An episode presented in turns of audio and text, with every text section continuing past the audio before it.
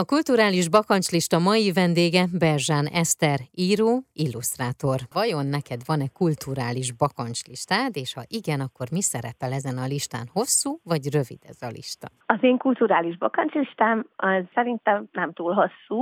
Szeretném, hogy minél gyorsabban és minél termékenyebben tudjanak kijönni a könyveim, és ennek nem én vagyok az akadálya. Tulajdonképpen egyfajta olyan robbanásszerű változás, hogy az elmúlt hét év, amit összegyűjtöttünk, ez a, ez a rűzserakás, ez úgy tűzre lobbanjon, hogy, hogy ismertségem legyen, és utána csak onthassam magamból a könyveket, és az olvasóimat pedig elrebíthessem olyan világokba, amiben én szeretném, hogy adni tudjak.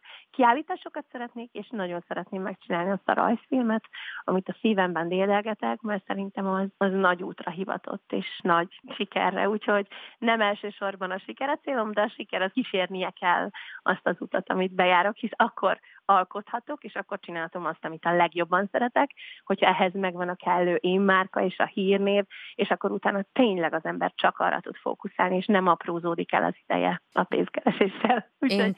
szeretném ezt, igen. Jó, én pedig kívánom, hogy legyen így. Köszönöm szépen. Köszönöm én is.